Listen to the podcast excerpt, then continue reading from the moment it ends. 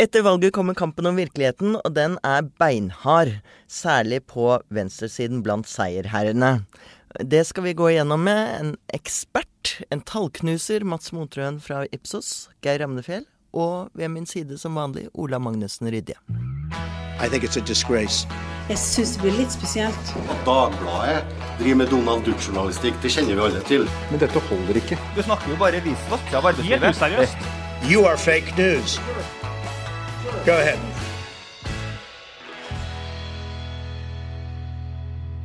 Ikke før var valget over, så er vi i gang med et nytt valg, har jeg inntrykk av. Det er i hvert fall eh, eh stor, stor, posisjonering og sverdfekting mellom de ulike, eh, ulike, alliansene. Vi kan vel slå fast at eh, det borgerlige, den borgerlige regjeringen er på vei ut. De har to år igjen, og så blir det et skifte. Men hva vi får i stedet, er nå litt oppi det blå. Eh, vi har eh, fått med oss en eh, ekspert som vanlig i poden vår. Mats Motrøen. Ipsos fra Ipsos. Du er ansvarlig for politiske målinger der. Ipsos som er Dagbladets faste leverandør av meningsmålinger. Og Mats, eh, først, hva, kan du si noe om de velgervandringene vi har sett, uh, sett i dette valget? Det er jo allerede en liten krangel om hvorvidt det var et klimavalg eller ikke. Kan vi kalle det et klimavalg? Det må vi nesten eh, vente litt med å se hva, hva som blir det endelige svaret på. Men det er jo, det er jo oppsiktsvekkende et valg av eh, Miljøpartiet. Eh, og de har jo spesielt i byene gått veldig, veldig sterkt fram.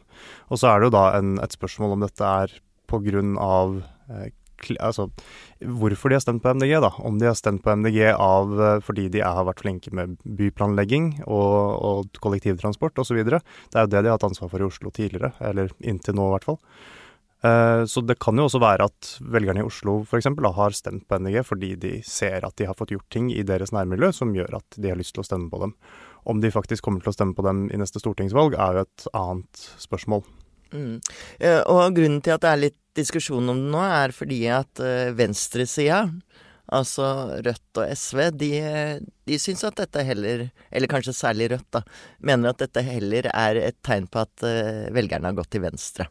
At det er den mest klare trenden. Ja, og det kan jo eh, Altså, nå, jo, nå, kjemper jo de, eh, de partiene, eh, altså SV og Rødt og MDG, i relativt stor grad om de samme velgerne, i hvert fall gjort det historisk. Så det er naturlig at det blir litt dragkamper innad etterpå om hva som egentlig var bakgrunnen for dette, og hvordan de skal gå fremover. Eh, både da Rødt og SV, når de ser at MDG har gjort det så bra. Men nå skal det nevnes at de gjorde det jo ganske greit selv. I Oslo så ser man uh, en sånn Det er en ekstremt delt by. Altså, jeg som er vokst opp i denne byen, jeg kan ikke huske sånne tall siden nesten siden jeg var ung, at det er så klart. Det er fortsatt eh, På Oslo vest er det, har eh, Høyre over 50% i nesten, nesten alle kretsene. Mens eh, i Oslo øst så er det en klar venstredreining, og så er det dette bompartiet som har fått veldig mange velgere i Groruddalen. Mm. Så det er et klart, klart skille. Og så er det MDG er veldig store i indre kretser. Altså i gamle Oslo, der hvor jeg bor og sånn. Mm. Ja, vi ser jo det at Arbeiderpartiet har vel gått ned i alle bydeler, sånn mm. som jeg mener å, mener å, huske. Men ja, som du sier, Høyre holder stand på, på vestkanten, og sikkert opp på Nordstrand også. Jeg har ikke sjekket de tallene, men jeg tipper at det også er ganske høyt for Høyre. Eh, så det er noe som holder seg. Det er jo noen flere som stemmer på eh, bompengepartiet der også. MDG har jo gått litt frem i ja. vest òg. Ja, ja de, de, har jo hatt en, også en generelt stor fremgang, men også størst i, i, i, sentrum, da. Men så ser vi da at de klassiske Arbeiderparti-bastionene, det er der det er størst forandring fra et valg til et annet. Så det er jo en det er jo et varsku for dem, og det har det jo vært lenge. Altså, det kan man prate lenge om, men Arbeiderpartier i Europa har jo gått nedover siden 70-tallet. Så mm. dette er jo ikke en overraskende trend. Vi skal snakke litt mer om, uh, mer om hva Arbeiderpartiet skal gjøre. Det er mange som skal gi råd til Arbeiderpartiet for tiden, og det skal vi også gi. Eller i hvert fall snakke om noen eh, mulige veier fremover. Men Geir Ramnefjell, politisk redaktør i Dagbladet. Er, hva er denne krangelen mellom venstresiden og MDG? Hva handler den egentlig om?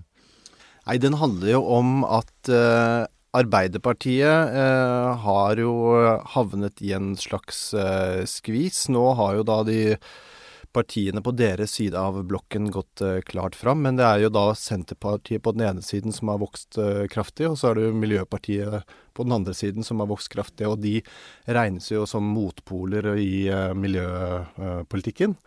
Og dermed så blir det, blir det spørsmål om, om retningsvalg. Hva skal, man, hva skal, man, dyrke mest? Hvilken vei skal man gå?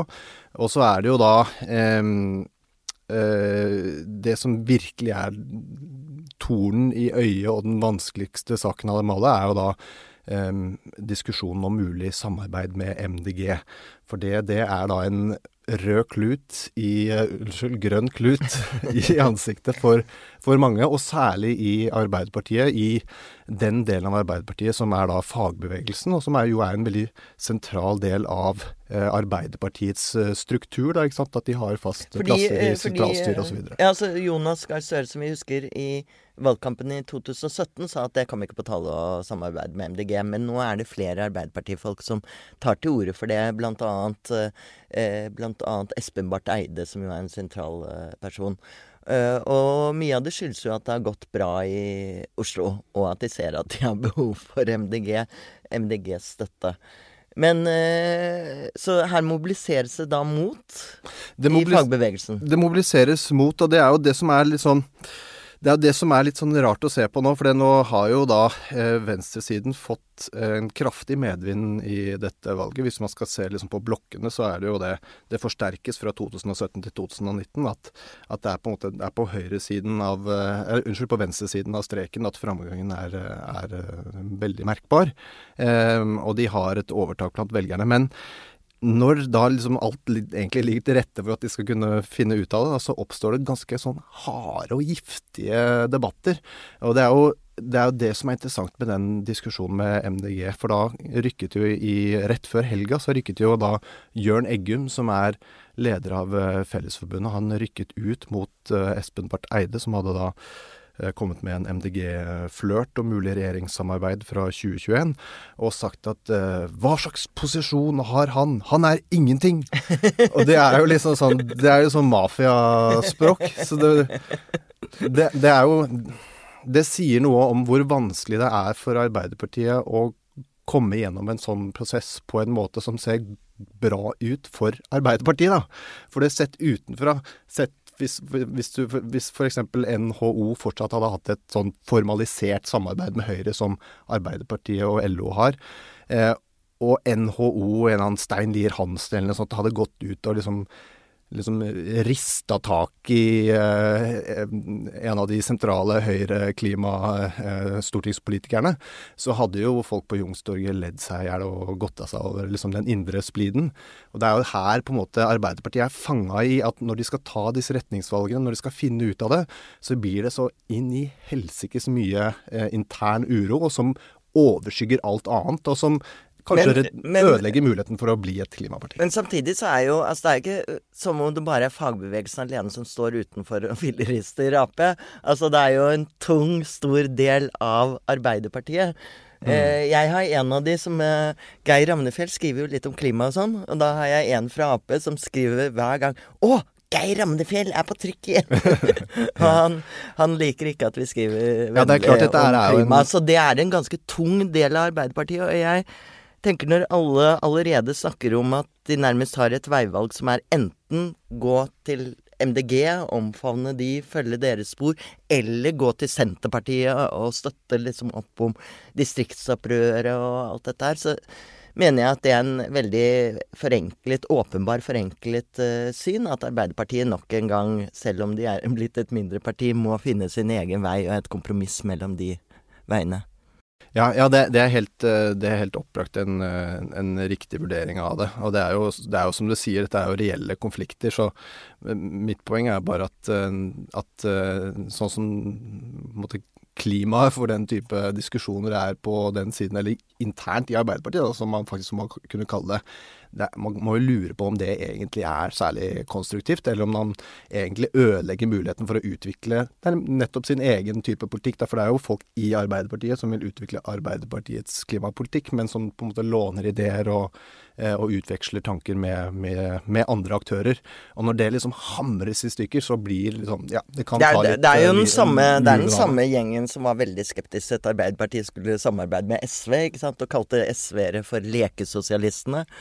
Ola? Eh, du var jo litt inne på det i kommentaren, Geir, hvor du skriver om, eh, om eh, tankene Arbeiderpartiet henter fra, fra liksom, LO internasjonalt om rettferdig omstilling. Og det har jo har jo kanskje Ramin Johansen vært en av de tydeligste liksom, målbærerne, og han holdt jo tale etter Jonas Gahr Støre på Rettferdig omstilling er et begrep som liksom Ja, altså sånn at selvfølgelig må vi omstille både industrien og mm. næringen vår og alt, hele samfunnet til å bli klimavennlig, men det skal skje på en måte som gjør at vanlige arbeidsfolk ikke taper på det, da. Mm. Det skal være trygge jobber, og det skal, skal, gjøres på en måte som også tar med de videre og gir de muligheter i arbeidslivet.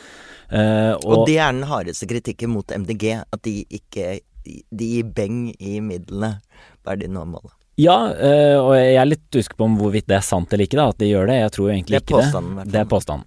Uh, men der tror jeg f.eks. måten Raymond Hansen snakka om det etter Jonas Gahr Støre på, på valgvaken til Arbeiderpartiet også, uh, til stor jubel i hvert fall i Oslo-partiet, kan jo være en av de, eller i hvert fall kan bli da, en av de tydeligste stemmene på, på liksom det, det, arbeidet i Arbeiderpartiet fremover. Så det, det syns jeg det blir spennende å se, om hvem av fløyene nå som som eh, får mest støtte, og Tajik har jo valgt å gå en annen vei. Mm. Vi skal snakke mer om eh, hvor Arbeiderpartiet skal gå. Vi skal bare ha en liten trudelutt. Vi sitter her og snakker om eh, etterdønningene etter valget og veien fremover mot 2021 og hvem som skal samarbeide i en uh, ny rød-grønn regjering som vi vel kan slå fast at det blir etter, etter, stortingsvalget neste år. Altså Ikke si det, Marie. Arbeiderpartiet har en uh, eksepsjonell evne til å rote ting bort for seg selv. Jeg, jeg, skal ikke jinxe dette her nå, men det ser jo ut som om eh, de blå sliter enda mer. Men Mats Motrøen, du er ansvarlig for politiske målinger i Ipsos. og du har eh, sett på litt tall over hvor er det eh, velgerne til eh, Arbeiderpartiet er dratt, og hvor kan de hente dem inn igjen? Ja, altså dette er jo en, er jo en lang historie. Eh, nå vet jo alle at det har gått dårlig med Arbeiderpartiet i, i ganske mange år. Eh, det man kanskje glemmer av og til, er at dette har vært en trend siden 70-tallet. Som jeg så vidt nevnte innledningsvis. Eh, I senere år så har man kalt det for pasokifiseringen, etter da pasok i, i Hellas, fordi man setter ofte eurokrisen som et et slags moderne vannskille. Og det er i hvert fall veldig sterkt korrelert med da nedgangen ble veldig akselerert for, eh, for Arbeiderpartiet. Og eh, som eh, The Economist skrev for en, for en, liten stund siden, at eh, det er ikke mange år siden du kunne kjøre fra Edinburgh til Vilnius uten å være innom et land som hadde en høyreorientert regjering. Og dette har jo nå, til tross for at den eh, nedgangen har vart en, eh, vart en, stund, så har den virkelig akselerert nå. Etter, eller gjennom titallet, da, som vi nå må nå må kalle det. Så det er riktig å si at det er en krise som har rammet eh, alle sosialdemokratiske partier igjen? Ja, altså dette har jo skjedd nå i, i Tyskland, Frankrike, Nederland, Ungarn, eh, Polen, eh, Spania, eh, Hellas. Veldig mange europeiske, europeiske land. Riktignok med en forskjell, fordi det er ofte mer de eh, sånn antikapitalistiske, systemkritiske partiene som utfordrer dem i Sør-Europa. Og så er det da mer de no, eh, i Nord-Europa så er det mer de høyrepopulistiske partiene. Uh, nå er det jo en litt annen situasjon akkurat etter dette valget i Norge. Men det er jo litt av de trendene vi, eh, vi også ser her på berget, da. Og du ser jo det så da med velgerne. Altså vi, eh, vi gjorde en undersøkelse i, i, 2017 som vi gjennomfører ganske annethvert år, som heter Norsk Monitor, hvor vi også ser på hva, hva er det som kjennetegner da, velgerne til Eh, Arbeiderpartiet. Og det som vi ser er at det er et litt sammensatt bilde. fordi hvis, eh, Nå så jeg sammenlignet dem med 2001, bare for å gå et stykke tilbake. Og det vi ser er at det er flere med grunnskole som høyeste utdannelse som stemmer Arbeiderpartiet nå, enn som stemte Arbeiderpartiet da. Eh, og det er også flere med høyere utdanning som stemmer Arbeiderpartiet nå. men så er det massivt færre som er da i det midtsjiktet. Som, eh, som, eh, som har da en type videregående utdanning, f.eks. Som jo er den største gruppen også, så det er, den, det er, ikke så rart at det er den som går, går tilbake. Men vi ser også en forandring med hvilke, hvilke velgere som kaller seg selv for arbeidere. Og der har du den samme nedgangen i, både i Norge og du har den også i, i Storbritannia. Du ser den på inntektsfordeling etter, etter valget av Trump i 2016. Eh, fordi det er stadig flere rike som stemmer på demokratene, og stadig eh, flere fattigere som da stemmer på, eh, på republikanere. Så dette er, en, dette er, en, internasjonal trend som det er litt vanskelig å si at har ett utspring, om det liksom er de nye veien. arbeiderne er vel kvinnearbeiderne, da. Altså, det er kvinner i offentlig sektor. Arbeiderpartiet ja. er vel i flertall blant uh, velgerne. Ja, Selv om det også har endret seg litt med metoo og diverse. Mm. Men uh, de er fortsatt i flertall blant Arbeiderpartiets velgere. Ja, det er det nå. Per, per 2017 så var det i hvert fall det. Ja, disse hersens eh, kvinnelige velgerne som eh, driver og stemmer på partier og sånn. Det, et, eh, det er et mas. Og menn på venstresiden er litt bekymret for disse kvinnene. Eller de er snarere bekymret for at det ikke er nok mannlige velgere. Og strever fælt med Snakker i hvert fall mye om hvordan de skal dra menn tilbake til Arbeiderpartiet og venstresida er det Jeg tenker, når jeg ser at liksom Magnus Marsdal i Manifest og sånn hisser seg opp over MDG og fornekter at det var et klimavalg og, og alt dette her, så har det litt med, litt med disse mennene å gjøre, Geir? Ja, jeg vet ikke, det er godt mulig, men han eh, Marsdal prøver å, veldig hardt å eh, å bringe et klasseperspektiv eh, inn i, inn i debatten. Mm. Og det er, jo, det er jo for så vidt rimelig, egentlig. Sånn, Eh, det må jo også være med i en analyse etter et sånt eh, valg, når, når man ser liksom eh, bompengepartiets framgang i liksom ytre bydeler osv. Um, men, men han er veldig han, han forteller en litt sånn ensidig fortelling, da, for han sier at ja, det er bare folk med god råd og folk som har millionlønn i byrådet som, som, eh, som elsker eh, bomringen, alle andre hater den. Men, men, bak den politikken så er det jo også en, en fordeling, et fordelingsperspektiv. Altså at det er jo de fattigste, de som ikke har råd til bil, som har mest glede av eh, kollektivtilbudet. Eh, og som dermed også tjener mest på bomringen, for det er jo bare de som kjører bil som, eh, som betaler for det. Så det er en litt sånn fortegna debatt, eh, som man, som man, må være litt oppmerksomhet når disse, disse sverdslagene ja. nå kommer. Ja, men for jeg tenker det er mange som ikke som forholder seg mer overfladisk til politikken, som tenker at Rødt, ja ja, det er venstresiden, og det er litt sånn som SV og, og sånn, men Rødt har jo en helt annen posisjon i dette her. Altså i valgkampen så gikk de jo hardt ut og var mot bompenger og hadde veldig sympati med bompengepartiet, ikke sant? Mm. Så de er Så jeg tenker av og til at uh, vi snakker jo også om hvem Arbeiderpartiet skal samarbeide med, og da er det jo Har jo Trygve Slagsvold Vedum vært ute og snakket at snakket om Arbeiderpartiet og Senterpartiet, men ikke SV. Da ble SV selvfølgelig litt uh, grinete. Men uh, Senterpartiet går kanskje bedre sammen med Rødt, eller hva? Ja, nei, det, det, er en besnærende tanke, tror jeg, i mange, i, i mange kretser. F.eks. Klassekampen? F.eks. Klassekampen. Ja, altså, men, men, det er jo klart at den, det er en, en del aktører på venstresida som, eh, som nok ser Senterpartiet og Rødt og Arbeiderpartiet som, som mer naturlige samarbeidspartnere, for da slipper man på en måte alle de der de rotete, idealistiske eh, problemstillingene som eh, eh, som Rødt og Senterpartiet og Arbeiderpartiet eh, vil kunne liksom fortrenge litt mer da, i deres eh, samarbeid. Du slipper liksom SV og eventuelt MDG, som, som har mer eh, den type problemstillinger som er viktig for deres, eh, viktig for deres profil. Um, men det jo, kan jo også være vanskelig for, uh, for Arbeiderpartiet, fordi um, fram mot 2021 så vil jo sannsynligvis EØS spørsmålet blir, eh, blir ganske viktig.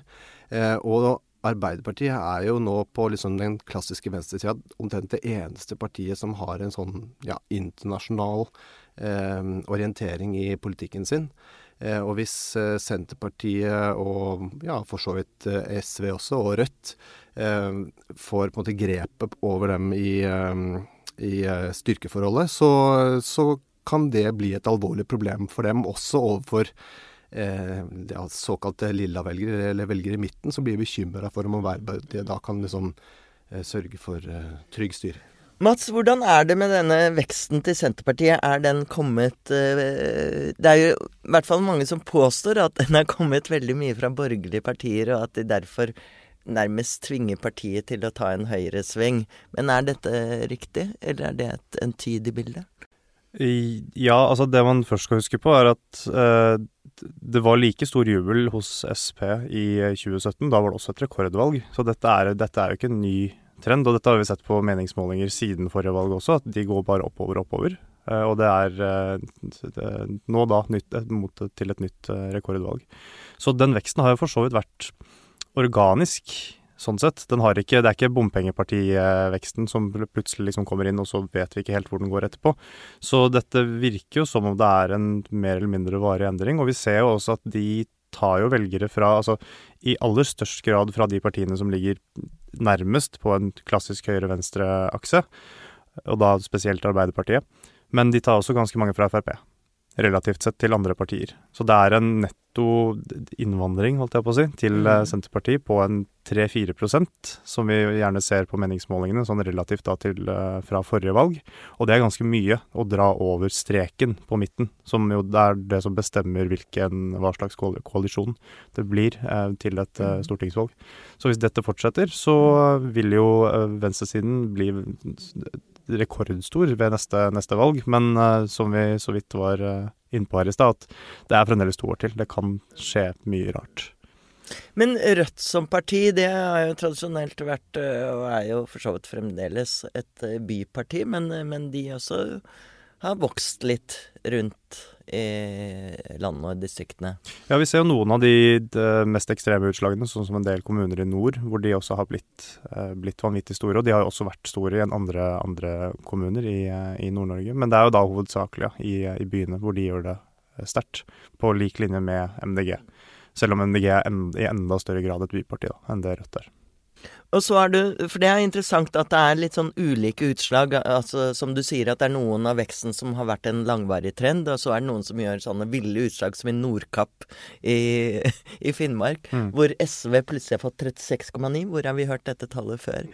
Men hvor de har bare nærmest utradert uh, Arbeiderpartiet, og det er pga. den striden om Nordkapp-platået. Så det er jo ting som kanskje bare vil justere seg ved neste valg? Vi, det For å nevne det, vi gjorde en undersøkelse i Nordkapp eh, for eh, ca. en måned siden. Og da, da målte vi jo eh, Arbeiderpartiet og Sp og SV eh, alle på litt under 30% Og dette var jo allerede ganske store utslag, selv om da Sp fortsatte litt lenger eh, Nei, de ble stående på 30. SV gikk litt opp, og Arbeiderpartiet gikk litt ned. Og Da stilte vi også et spørsmål om eh, Nordkapp-platået hvor, om dette var viktig for ditt partivalg. Og det som vi så som var veldig interessant da, var at det var ingen Arbeiderpartivelgere som sa at dette var viktig for deres partivalg. Så de har tydeligvis da allerede forsvunnet til noen av de andre partiene som sa at dette er veldig viktig. Så det er helt åpenbart at det var en veldig viktig utslag for mm, mm. Eh, partivalget der. Vi i Dagbladet er jo enig i disse vurderingene. Selv om vi ikke stemmer på noe parti, så er vi enig i saken. Eh, men hva har egentlig skjedd med folka? Altså, det er noen varige endringer, og så er det noen trendbrudd. Men f.eks. denne eh, folkeaksjonen mot eh, bom, eh, bompenger, det er jo også en kraftig protestbevegelse, som man kan kanskje sammenligne litt med hvordan Frp oppsto i sin tid. Og jeg ser nå at Vidar Kleppe, eh, leder for Demokratene nede i Kristiansand, som jo fikk over hvor, hvor, mye var det de fikk? Fikk ti mandater, i hvert fall. Ti ja. av Ja, så de, de ble jo overraskende store ja, på grunn av denne kunstsiloen, visstnok. Protester mot en kunstsilo. Men uh, Vidar Kleppe har vært ute og sagt at uh, Frp er helt ubrukelig, nå må vi starte en ny protestbevegelse. Tror du at uh, vi vil se det fremover? At andre krefter vil ta over for Frp? Det er, det er, veldig vanskelig å si. Det er godt mulig. altså Velgerne til, eh, til eh, disse diverse bompengepartiene, og inkludert altså demokratene til, eh, til, Kleppe, og FrPs velgere har jo hatt ganske mange karakteristikker, eller demografier, da, i, i, felles. Så det er nok en god del av vandringen fra Frp som har da gått til, til disse partiene. Og det har vi også sett over ganske mange mange år, selv om FrPs nedgang har vært relativt mye langsommere, da. Og de, de gikk jo også fortsatte å gå tilbake nå, men ikke så mye som mange egentlig hadde trodd. Og dette var jo også det samme i 2017-valget, at de gikk tilbake, men ikke så mye som Eh, som folk, eller som, sånne som meg, da, hadde, hadde trodd. Så, men det er jo en stadig nedgang for, eh, for, deres del også. Og om de klarer å stable et nytt troverdig politisk prosjekt på, på bena, som de kanskje mangler litt nå, det gjenstår jo å se. Altså 2017 så ble de kanskje reddet litt, at velgerne var, det viktigste for velgerne var innvandring. Og da er det Frp som er uh, det første valget til de som syns at det er det viktigste. Nå er det ikke det lenger. I de seneste undersøkelsene vi har gjort hvor vi spør om hvilke saker som er viktige, så, så er det mer, mer, diversifisert, og det er ikke lenger innvandring som er Så det vil være situasjonsbestemt i tilfelle, hvis man får f.eks. en ny strøm? For eksempel. Da kan, det, da kan de definitivt eh, vinne på det. Mm. ja.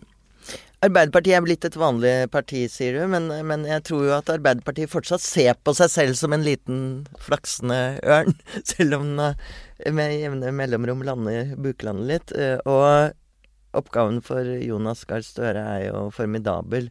Men han sitter frem til neste valg, eller? Ja, det vil jeg tro at han gjør. Uh, han får nok én sjanse til. Han har jo allerede blitt freda av sine venner i LO og andre. Men og det, det, er det viktigste. Ja, det er i hvert fall viktig Arbeiderpartiet.